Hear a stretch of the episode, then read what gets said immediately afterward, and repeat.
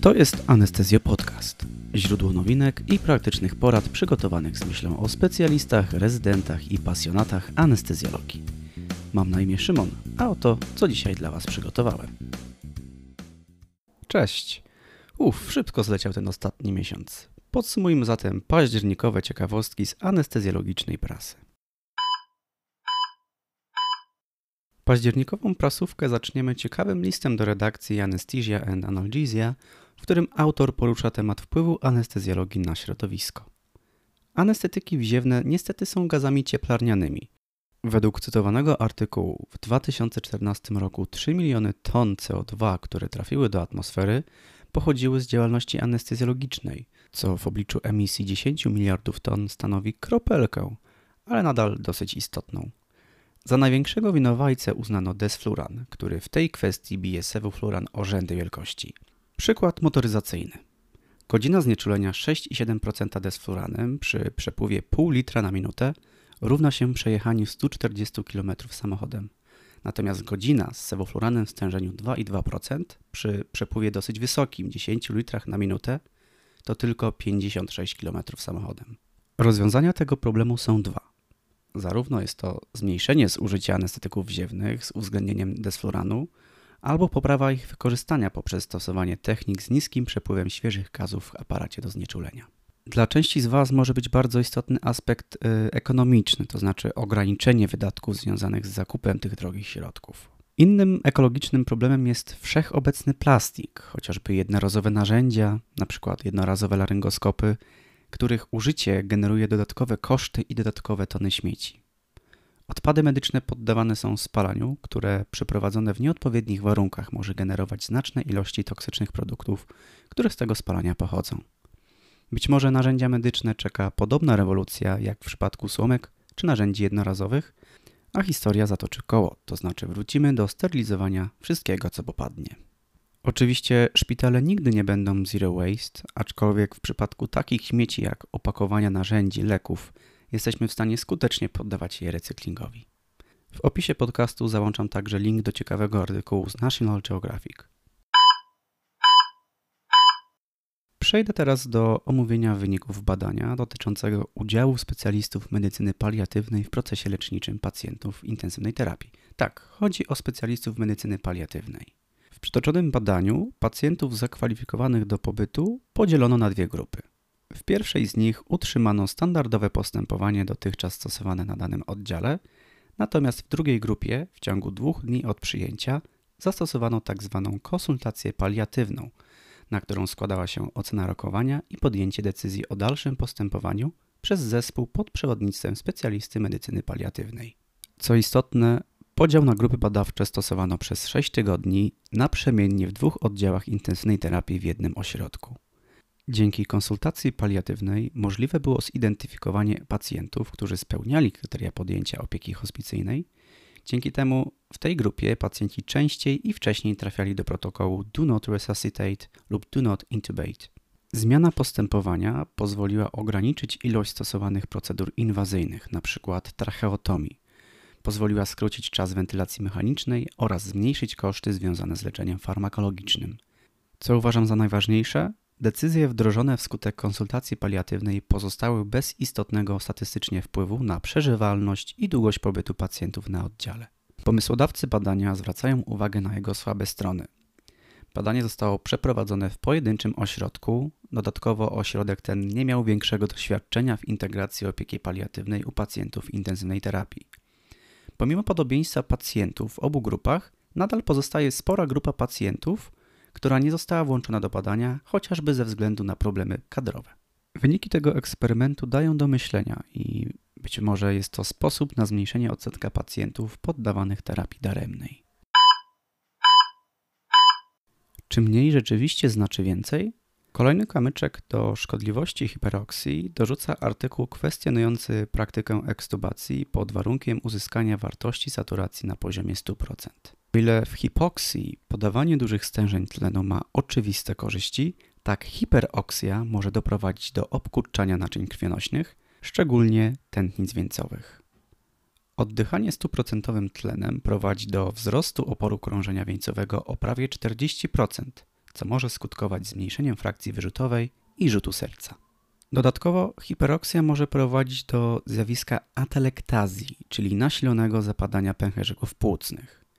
Jednym z narzędzi do walki z atelektazją jest wzrost ciśnienia PIP, dodatniego ciśnienia końcowo-wydechowego, co z kolei może nasilać zaburzenia hemodynamiczne. Użycie wysokich stężeń tlenu było uzasadnione możliwym zmniejszeniem częstotliwości zakażeń miejsca operowanego, czego jednak nie potwierdzają najnowsze metaanalizy. Tyle o hiperoksji. Dlaczego zwiększanie stężenia tlenu w pewnym momencie przestaje mieć sens? Otóż w pewnym momencie dochodzi do całkowitego wysycenia hemoglobiny, a dalszy wzrost zawartości tlenu we krwi zaczyna być równoważony, a następnie minimalizowany przez zaburzenia perfuzji wieńcowej. Hiperoksja pozostaje wskazana w preoksygenacji celem przedłużenia czasu bezdechu potrzebnego na intubację. Po udanej intubacji pacjenta można bezpiecznie powrócić do mniejszych stężeń tlenu, ponieważ nie wpłynie to istotnie na natlenowanie krwi. Co zatem z ekstubacją? Ekstubacja jest burzliwym okresem dla pacjenta, pełnym w nieprzyjemne bodźce. Na przykład drażnienie tchawicy, kaszel, niepokój. Wybudzanie po zabiegu może doprowadzić do wzrostu ciśnienia tętniczego i tachykardii, które dodatkowo zaburzają perfuzję kardiomiocytów. Dodajmy do tego atelektazję, która zwiększy wysiłek oddechowy pacjenta. Przytoczone mechanizmy stają w sprzeczności z wytycznymi, które zalecają utrzymanie wysokich stężeń tlenu po ekstubacji na wypadek wystąpienia powikłań oddechowych.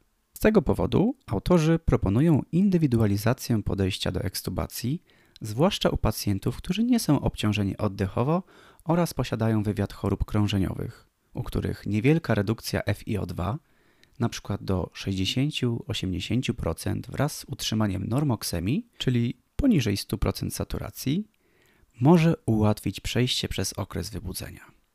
Jaki z tego morał? Że wszystko jak to w medycynie w nadmiarze może zaszkodzić.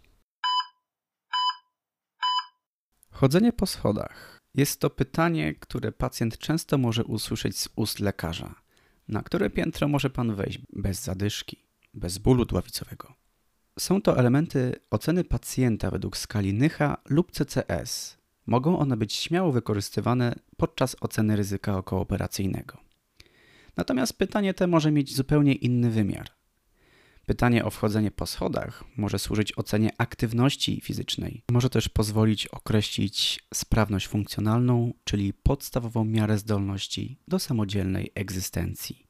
Mając na uwadze słynne powiedzenie doktora Hausa Everybody lies, Postawmy pytanie, na ile wiarygodnym wskaźnikiem jest wspomniane wcześniej piętro.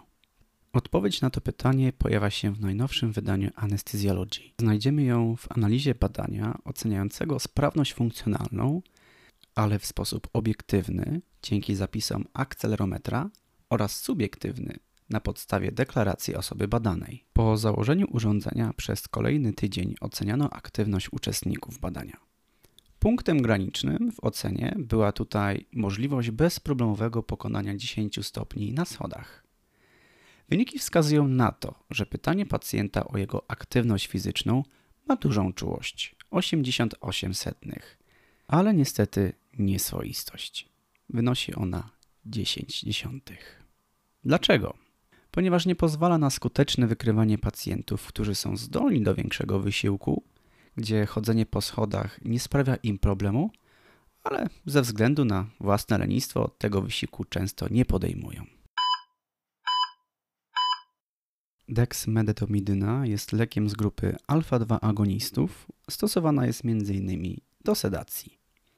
Początkowe doświadczenia z tym lekiem wskazywały na niewielkie ryzyko związane z depresją oddechową w przypadku jego stosowania we wlewie ciągłym.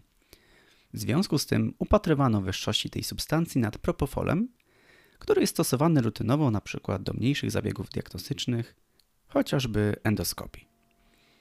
Propofol ma dobrze udokumentowane działanie depresyjne na ośrodek oddechowy.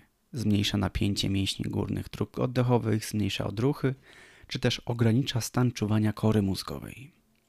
W najnowszym Anesthesiology ukazała się praca, w której porównano propofol i dexmedetomidynę przy podobnych poziomach sedacji, odpowiednio niskim i umiarkowanym, która mierzona była za pomocą BIS-u, Bispectral Index. Jak się okazało, stosowanie deksmedetomidyny nie wiązało się z mniejszą zapadalnością górnych dróg oddechowych, a centralna depresja oddechowa występowała po podaży bolusów obu tych leków.